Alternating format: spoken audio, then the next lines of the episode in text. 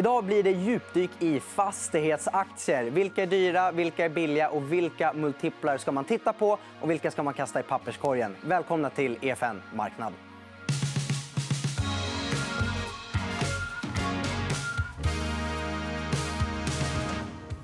Och med mig i studion så har jag Filip Hallberg som kommer att vara förvaltare på Lannebo. Du har ju en ny fond på G tillsammans med en eh, kollega. Eh, Eh, och det är fastighetsaktier ni kommer att förvalta. Vad är det som är så kul med just fastighetsaktier? Ja, men, eh, först och främst tack för att jag får komma hit. Jag tycker fastigheter är en fantastiskt rolig bransch. Framför allt det som jag tycker är roligt är att få träffa alla entreprenörer bakom. Jag tycker det är en sektor som inte riktigt får cred för den entreprenörsanda som ändå finns med David Mindus, Erik Selin, Jakob Karlsson, Rutger Arnhult. Så det tycker jag är det roligaste, att få träffa de personerna och jobba med dem. Mm. Så du räknar med att det blir många one-on-ones med dem nu när du drar igång fonden? Ja, men det tror jag. Det har det varit historiskt och det hoppas jag förblir så framgent. Mm, trevligt. Jag hade Rutger här i, i, för ganska exakt ett år sedan.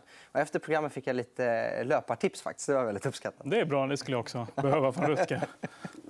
eh, vi ska gå igenom lite hur du värderar fastighetsbolag eh, och prata om sektorn i allmänhet, kanske några favoritbolag i synnerhet eh, och även lite om blankning. för Ni kommer ju få, få blanka om ni vill.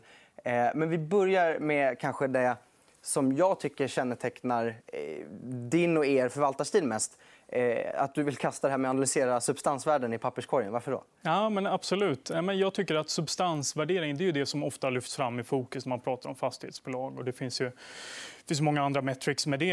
Eh, men substansvärde för mig det är att lite blicka tillbaka. Man tittar vad varit i förra rapporten. Hur värderar man kåkarna? Det är det som får störst impact så att säga, på, på substansvärdering.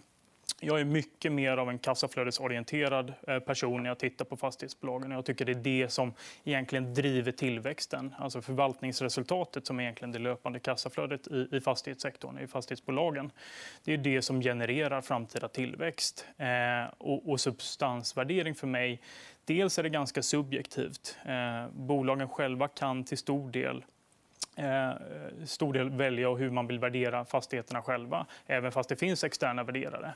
Och externa värderare, i den mån man använder sig av det, eh, jag tycker att de tenderar att lagga alltid i sina värderingar. Det finns ingen exakt vetenskap för hur man ska värdera? Nej, Nej. absolut inte. Utan det är ju någon som sitter och gör antaganden på en kåk. Och man värderar ju alla fastigheter separat och enskilt. Så exempelvis nu om man tittar i marknaden, så, eh, på transaktionsmarknaden så är det en jättestor portföljpremie. Om du skrapar ihop ett gäng fastigheter och väljer att sälja dem som en portfölj då betalar eh, aktörer på marknaden en premie för att komma åt dem. Eh, och det reflekteras inte exempelvis från externa värderare eftersom de går igenom var och enskild fastighet. Utan jag tycker att i kassaflöden det är mer fakta. Det är vad det är. Eh, värden är väldigt mycket mer subjektivt. Eh, och jag tycker inte heller att det ger någonting att alla bolag ska handla på substans, då, prissubstans 1. För att bolagen växer substans olika snabbt. Vissa kan skapa tillväxt med genom att kassaflödena adderar mycket till, fastig, eh, till, till eget kapital medan andra då måste leva med på att kanske få uppvärdering på befintliga fastighetsbeståndet. Så jag är mycket mer kassaflödesfokuserad och lägger inte så mycket vikt vid substans alls. Mm.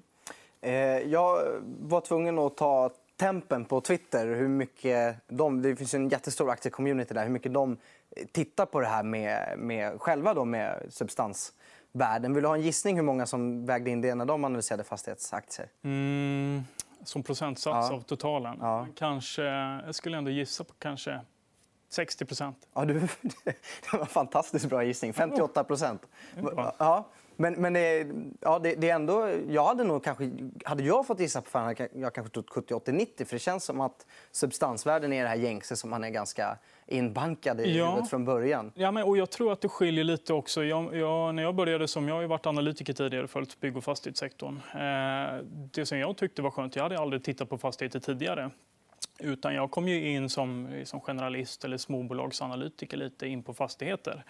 Och då förstod jag inte alla metrics med substansvärde, med, med hur en resultaträkning såg ut i fastighetsbolagen initialt. Och då, då tror jag det är mycket lättare för någon som kommer utifrån att börjar titta på kassaflöden. Och det kanske de på Twitter gör. Och det, det tackar jag för. Men jag tror att många som kommer från fastighetssvängen tenderar att fokusera mycket mer på fastigheter, fasader och väggar och, och allt vad det nu är.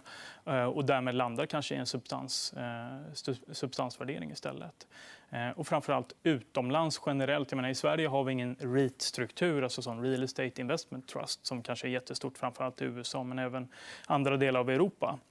Och då, det som det innebär egentligen att man delar ut i stort sett 90% och det kan variera lite, men ungefär allt kassaflöde som man genererar, det delar man ut i utdelning. Och då blir det mycket mer av att fastigheter blir som en obligationsproxy. Och då landar man ju lite som i obligationer. Ska det handla på par eller premium mot par? Men där tycker jag inte att svenska fastigheter passar in. Jag tycker svenska fastighetsbolagen eh, det är en tillväxtsektor. Och när man säger obligationsproxy då menar man att det blir väldigt likt en obligation? Exakt, att det är mer ett utdelande instrument som hela tiden ska avkasta en viss yield. Mm. Än ett entreprenöriellt bolag? Entreprenöriellt bolag. Alltså, om man ska ta fastighetsbolag så fokuserar vi mer då på bolag än fastighet. kanske. Sen är det klart att eh, liksom, kvaliteten på bestånd spelar en stor roll. Men vi fokuserar mycket mer på ledning och management och deras kapitalallokeringsförmåga att växa framgent än att titta på om, om, om fastigheterna är fina. Mm. Eh, och eh, därför tänkte jag att vi skulle kasta oss in lite i den härliga skörden vi har av bilder, och grafer, och tabeller och diagram och titta, på, och titta lite på det här med kassaflödesgenerering som är det du tycker är ändå den primära, det man ska titta på först när man analyserar Absolut. fastigheter. Eh, vad är det vi ser på den här bilden? För Den är lite komplicerad. ändå. För när det blir många y-axlar då börjar jag tappa räkningen. Absolut. Ja. Nej, men det, det som vi försöker åskådliggöra här... Här har vi plockat fram tio bolag som har en lång historik. Vi ser vilka bolag det är där nere. Eh, det är framförallt svenska bolag, men även ett finskt bolag då, som heter Citycon. Och där har vi tagit den aggregerade, vad vi kallar för cash earnings. Och, eh, enkelt kan man säga att det är förvaltningsresultatet som de här bolagen genererar varje år och reducerat med vad man betalar i aktuell skatt och utdelning på preferensaktier etc. Men det som vi vill visa här är egentligen att det har varit en väldigt stabil och hög tillväxt under en lång tid. Eh, och det som man kan konstatera att under de senaste tio åren har det varit en fantastisk tillväxt. Jag menar, Eh, cash earnings då har vuxit med ungefär tredubblats eh, sen 2011 och, och det har varit en stabil avkastning. Och tittar man sen 2020, då, covidåret, Visst, det var ner ungefär 3% men vi räknar med en tillväxt redan i år. Och man ska komma ihåg att det var vissa bolag som exempelvis sålde en hel del fastigheter under 2020 också, vilket påverkar. Man noterar när man ser bilden att de bra åren då kan det vara en tillväxt på 10, 15, 20% De Absolut. dåliga, kontraktionen är inte så farlig. Nej, och det är det som är det fina med fastigheter. Du har ju ett hyresavtal som löper på generellt sett mellan, om du kollar kontor, 3 till 5 år. Och oftast så betalar hyresgästerna för sig. Mm. Skönt. Det blir jobbigare om de inte gör det. Absolut. Absolut så. Ska vi kika på nästa bild här som vi har? Ja. För här vill jag argumentera för att just det här att det är så pass stor skillnad på i hur bra de är på att generera tillväxt lite oavsett vilken tidsperiod man tittar på. Absolut. Och, det som den förra grafen visade det var ju så sektorn som aggregerat, eller de här tio bolagen som vi valde ut. Och sen då har vi tittat på de här tio bolagen separat istället för att aggregera ihop dem. Och vad jag tycker är väldigt tydligt är, har vi mätt då, eh, vinsttillväxt per aktie de senaste dels 10, 5 och 3 åren. Och det man kan konstatera är att det är jättestor spread mellan bolagen. Så exempelvis ett Balder de är ju bäst på alla tidsperioder, på 10, 5 och 3 år. Eh, samtidigt som ett Wallenstam och Wihlborgs har också levererat en fantastiskt fin tillväxt. Medan du har bolag som kanske då ett Atrium, ett Huvudstaden och ett Citycon som, som har haft en betydligt svagare tillväxt. Så det är väldigt stor skillnad i sektorn internt mellan bolagen. Men jag tycker väl kanske när man har pratat med investerare historiskt att det finns en, en perception om att sektorn är väldigt homogen. Men är det verkligen så att det skiljer mellan bolagen här? Eller kan det vara så enkelt att de som släpar det här det, det är gallerier och köpcentrum och det har varit en tuff nisch generellt? Nej, det skulle jag absolut inte säga. Jag tycker mer det, det pratar någonting om vad strategin är för bolaget och vilka som är ledningspersonerna bakom bolagen. Så man kollar exempelvis på Balder. Jag tycker att Erik Selin är en fantastiskt duktig entreprenör och kapitalallokerare. Och det tycker jag att det här visar med den fantastiska tillväxten de har haft. Och även om man tittar på ett huvudstaden. Det är ett sånt bolag som många har eh, mycket tankar om. De har alltid haft den finaste portföljen. Och jag menar, det, det, det, kan man inte argumentera emot.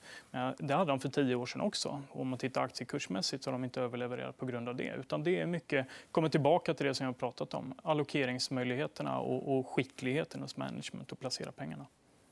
Om det är hög tillväxt i en aktie så brukar man ju ofta argumentera för att det ska vara en hög värdering och ofta också att de klarar av att växa in i den.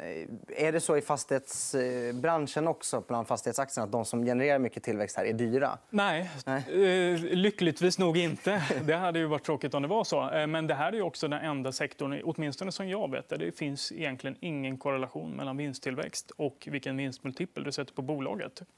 Och det kommer tillbaka till det att det är mycket, mycket större substansfokus än vad det är på vinsttillväxt. Och det tycker jag är toppen. Eh, och vi har med oss en liten graf här då som visar på på de olika bolagen i, i sektorn. Och här kan man konstatera att det finns absolut ingen korrelation alls.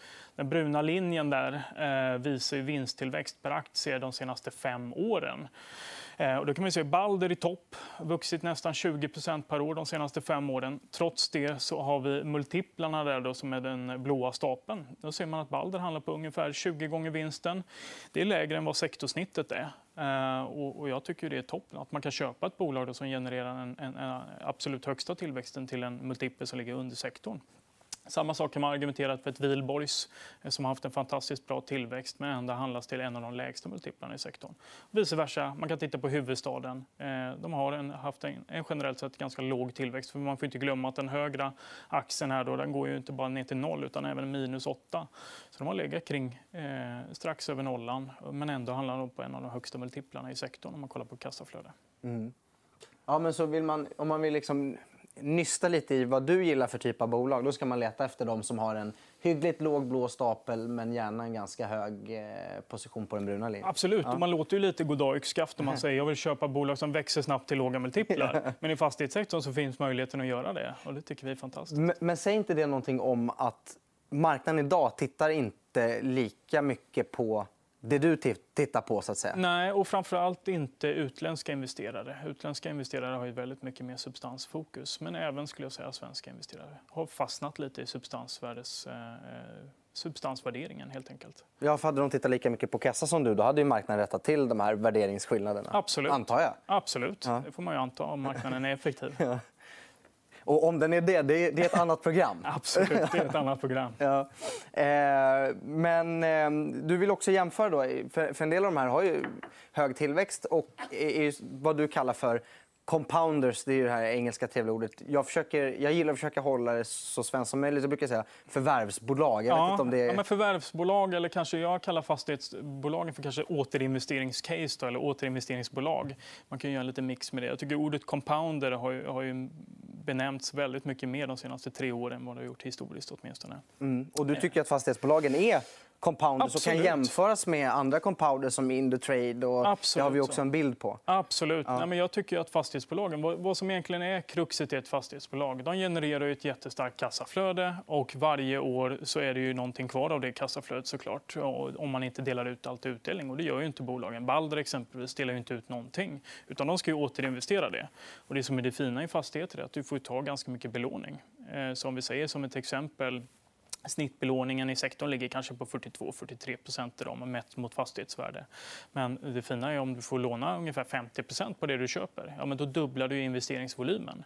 Så du kan skapa en fantastisk tillväxt bara genom att återinvestera ditt kassaflöde. Du behöver inte leva någonting på att fastighetsvärdena ska stiga eller någonting sånt där. Utan du kan generera en fantastisk tillväxt genom att bara förvärva det till. Eller investera i projekt eller investera i de fastigheter du har för att höja, höja hyran. Och det är det vi försöker hitta, de som är absolut bäst på det. Och då kanske man känner så här, när du säger att det som är viktigt är att de kan belåna sig för att få den här hävstången. Högre räntor, då? Är det inte ett bekymmer i så fall? Alltså, om vi skulle vakna imorgon och Stefan Ingves skulle få för sig att ja, men nu är det 5% ränta som gäller oavsett vilken inflation vi har eller inte. Eh, då skulle det vara jobbigt såklart. Eh, sen så måste man ju tro på att ja, men, ränteuppgång ska komma ifrån att vi har någon form av inflation. Och det tycker jag inte. Men man pratar lika mycket om. För man pratar mycket om räntor i nominella termer, men inte i reala termer. Fastigheter är en realavkastande tillgång.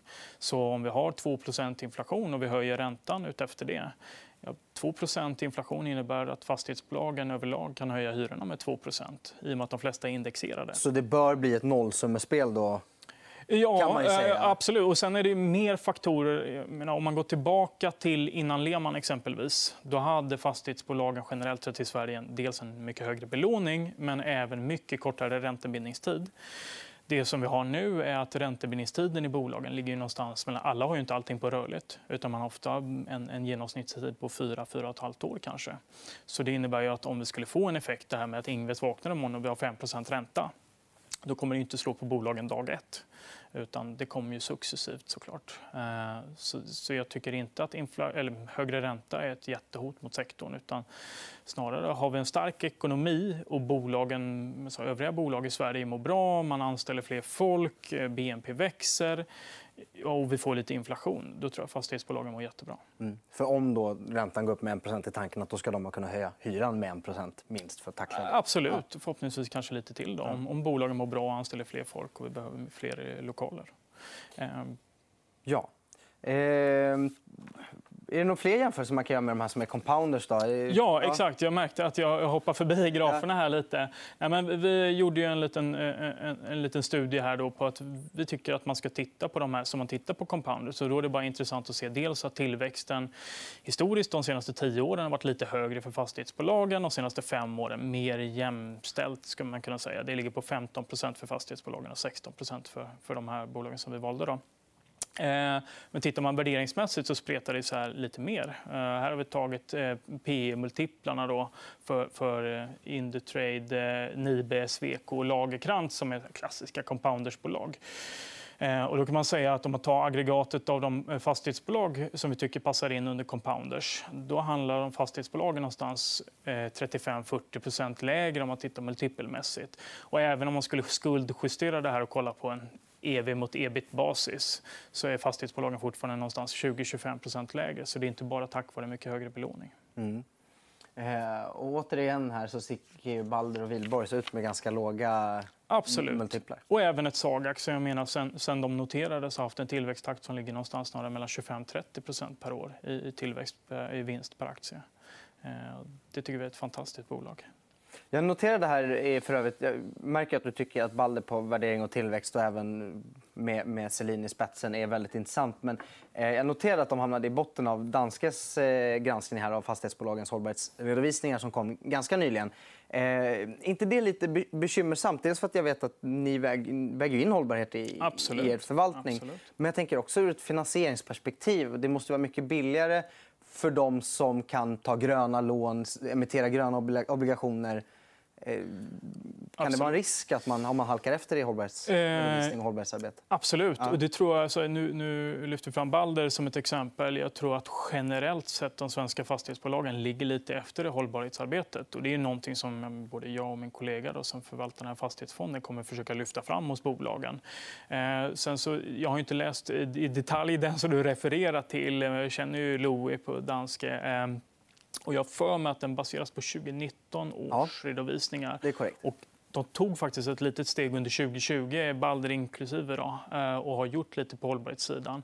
Men det kan bli så mycket bättre. Eh, och det tror jag vi kommer se mer under detta året, men framförallt nästa år. Eh, för det är mycket som ska mätas och tittas på. Men det är klart att det finns risker om man, om man har en väldigt brun affärsmodell. Men det tror jag inte Balder sticker ut med. Det är nog bara att de har inte varit lika snabba på att ta fram all information. Men det är någonting som, som ja, jag och min kollega brinner väldigt mycket för. Att vi tycker att fastighetsbolagen ska bli väsentligt mycket bättre på på att redovisa sina utsläpp. Om man, tittar, om man framförallt fokar på E i ESG eh, så är det som är vårt stora, stora problem kanske med sektorn är att man ska redovisa scope 1, 2, 3 utsläpp. Så det är väldigt många bolag som inte redovisar scope 3 idag, där nyproduktion och renoveringar ligger. Och det är det som är den stora miljöboven i fastighetssektorn. Eh, för idag så, så premieras du kanske som ett grönt bolag om du har mycket certifierade fastigheter, du har gröna hyresavtal. Men ofta är det en funktion av att du har mycket nybyggda hus. Och det är egentligen det sämsta för miljön. Att du river kanske en 80-talskåk som står och går idag för att bygga något nytt. Eh, vi har gjort lite beräkningar på det där och kommit fram till att utsläppen är någonstans 200 250 gånger högre i, i eh, utsläpp i nyproduktion. Och att payback-tiden, det vill säga ja, men, förvaltningen i Sverige är ganska grön eftersom vi har mycket grön el. Så den besparingen du gör på förvaltningen det kanske återbetalar sig på 250 300 år. Då kommer vi inte nå några, några Parismål. Inte. Men, men, så då försöker vi fokusera lite på det och lyfta fram det med bolagen. Och nu finns det säkert de som tittar som undrar men är, att ni pratar om hållbarheten nu och att ni förvaltar efter det. Är det bara mm. för att det ska kännas bra i magen? Men det kan ju faktiskt vara bra att ta upp det. Att det är ofta billigare att finansiera sig om man har... Absolut alltså... så. Ja, men det, det, har ju växt fram mycket mer. Eh, och framförallt hos fastighetsbolagen tycker jag, då, jag som kommer från att jobba på en storbank, det är ju mycket drivet av finansieringssidan. Att man får lite billigare finansiering och bättre tillgång till kapital. Och jag tror att om vi sitter här om fem år igen, vilket jag hoppas på, eh, så kommer nästan all finansiering vara grön. Mm, spännande. Eh, två saker kvar att prata om. Det ena jag tänkte bara lite kort. Eh, sektorn i allmänhet nu. Det har varit ett jättebra år eh, för fastighetsaktierna. De kom ju till slut eh, som en slags andra våg nästan efter den här coronakrisen. Mm. Men, men eh, betyder det att krämen är slut nu då, när det är dags för det att börja förvalta? Det, det tror jag absolut inte. Och, och, eh, även som du säger, att det har ju varit en liten catch-up-effekt. Eller vad man ska säga. Sektorn laggade ju ganska rejält efter covid. Och det som jag tycker är intressant är om man tittar year to date så är fastighetssektorn framför om man tar OMX SPI exempelvis. Men det räcker bara att zooma ut till två år så, så tror jag OMXSBI ligger någonstans 18-20 procentenheter före fastighetssektorn. Eh, men, men, med det sagt, så nej, jag tror, jag tror att fastighetssektorn har mer kvar att ge. Framför allt för att jag tror att vinsterna kommer fortsätta utvecklas relativt väl. Jag tror att bolagen kommer vakna upp imorgon och återinvestera sina vinster igen. Och, och till syvende och sist tror jag att liksom, det är svårt att sitta här och nu och säga vilken multipel på kassaflödet som det kommer att vara nästa år. Det har jag ingen stark syn på. Men om tre, fyra, fem år så tror jag absolut att vinster kommer att ha vuxit så pass mycket att du får en bra aktieavkastning också. Ehm, så nej, jag tror inte att det och det säger jag inte bara för att jag har bytt. Jag tänkte säga det. Du måste ju nästan tro på Nej, sektorn. Men, då, kan du inte... men då kan man ju också argumentera. Om jag har suttit som analytiker tidigare och min kollega också. Min kollega har varit analytiker 21 och jag 6 år och har ändå varit liksom topprankad analytiker. Om vi är så pass dumma då att man väljer att, lämna ett jobb hos en, hos en bank för att gå och förvalta sin egen fastighetsfond och vi inte trodde på sektorn, då vore vi helt puckade. får man ändå säga. Ja, men det, det är en del på spel. Det blir väldigt roligt att följa. Absolut. Ehm... Bra. Nu, sista som är kvar. Ni kommer ju få blanka i fonden, ja. eh, vilket ju verkligen sticker ut. Det är inte så många som sitter och blankar i sina fastighetsfonder. Eh, vad kommer ni leta efter? I och med att den inte är igång får du inte berätta vad ni, vad ni vill blanka. Men vad kommer ni leta efter för typ av blankningscase? Ja, men först och främst vill jag bara säga att vi har ju ett mandat att gå både långt kort. Eh, men, men över tid så har vi tänkt att ha en, en så kallad nettoexponering. Alltså vi kommer vara 100% långa över tid. Så det är inte tänkt att vi ska tajma marknaden och så att säga vara 50% investerade. Det är inte tanken. Utan vi har tänkt att ha ett kort mandat som är, det kallas 150-50 Eh, så man kan vara 150% lång och 50% kort. Eh, då är tanken att våra korta positioner egentligen ska finansiera de bolagen som vi tror på extra mycket. Och det behöver inte betyda att de korta positionerna måste gå ner för att generera någon alfa. Utan egentligen bara att de bolagen som är extra långa... Och alfa är överavkastning? Äh, precis, mm. överavkastning. Ursäkta. Mm. De bolagen som vi är extra långa, då, äger extra mycket i, de ska ju bara gå bättre än de som är korta. Ehm, så det, det, är syftet. Eh, och det som vi letar efter det är egentligen inversen av det som vi pratade om tidigare. Bolag som handlas till höga multiplar och har en låg tillväxt. Så, så det är inte svårare än så. Mm. Eh, så det är vad vi letar efter och, och ska skapa överavkastning med. Ja, det var inte så krångligt.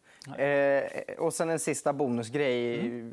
Det är många som undrar om det korsägandet som har blivit bland fastighetsbolagen. Och jag eh, försökte reda ut det med, med Peter Norhammar som också är en förvaltare av en fastighetsaktiefond här i våras. Och då spekulerade han lite grann i eh, ja, men att ja, men det, det är nästan billigare att köpa in sig i en konkurrents aktie än att börja köpa fastigheter av dem för så pass höga värderingar på fastigheterna men lägre på själva aktien. Eh, Absolut. Kan det ligga nåt i det? tror du? Absolut, det ja. tror jag.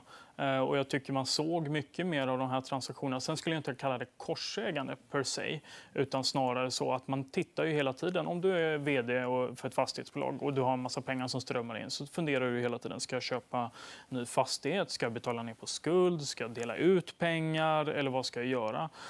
Och om du ser att på direktmarknaden, som man kallar egentligen om du ska köpa en fastighet här i, på Blasieholmen exempelvis, eh, då tittar du på alternativen. Vad finns? Hur dyrt är det? Och samtidigt kan du se att på börsen handlas det här till ja, men kanske en kraftig eh, rabatt mot vad underliggande fastighetsvärde är. Ja, men då kan det vara mer rimligt för dig att köpa aktier i marknaden. Och det tycker jag att man såg ganska mycket, ganska mycket exempel på när sektorn så att säga, innan den här andra vågen hade dragit. Då. Och det tycker jag bara visar på att det finns ganska många kap duktiga kapitalallokerare där ute. Mm. Ja, det gäller ju att stoppa pengarna där de jobbar bäst. Absolut. Mm. Tack så mycket för att du kom hit, Filip Hallberg. Tack så jättemycket. Och det var det vi hade att bjuda på i dagens EFN Marknad. Vi är tillbaka på onsdag igen. Då kommer Petra Bergman göra comeback som programledare och ha Lena Apler som gäst. Eh, har du tittat på Youtube får du gärna prenumerera på kanalen och lämna en tumme upp. Och om du har lyssnat som podd, lämna gärna en trevlig recension. Trevlig helg på er. Hej!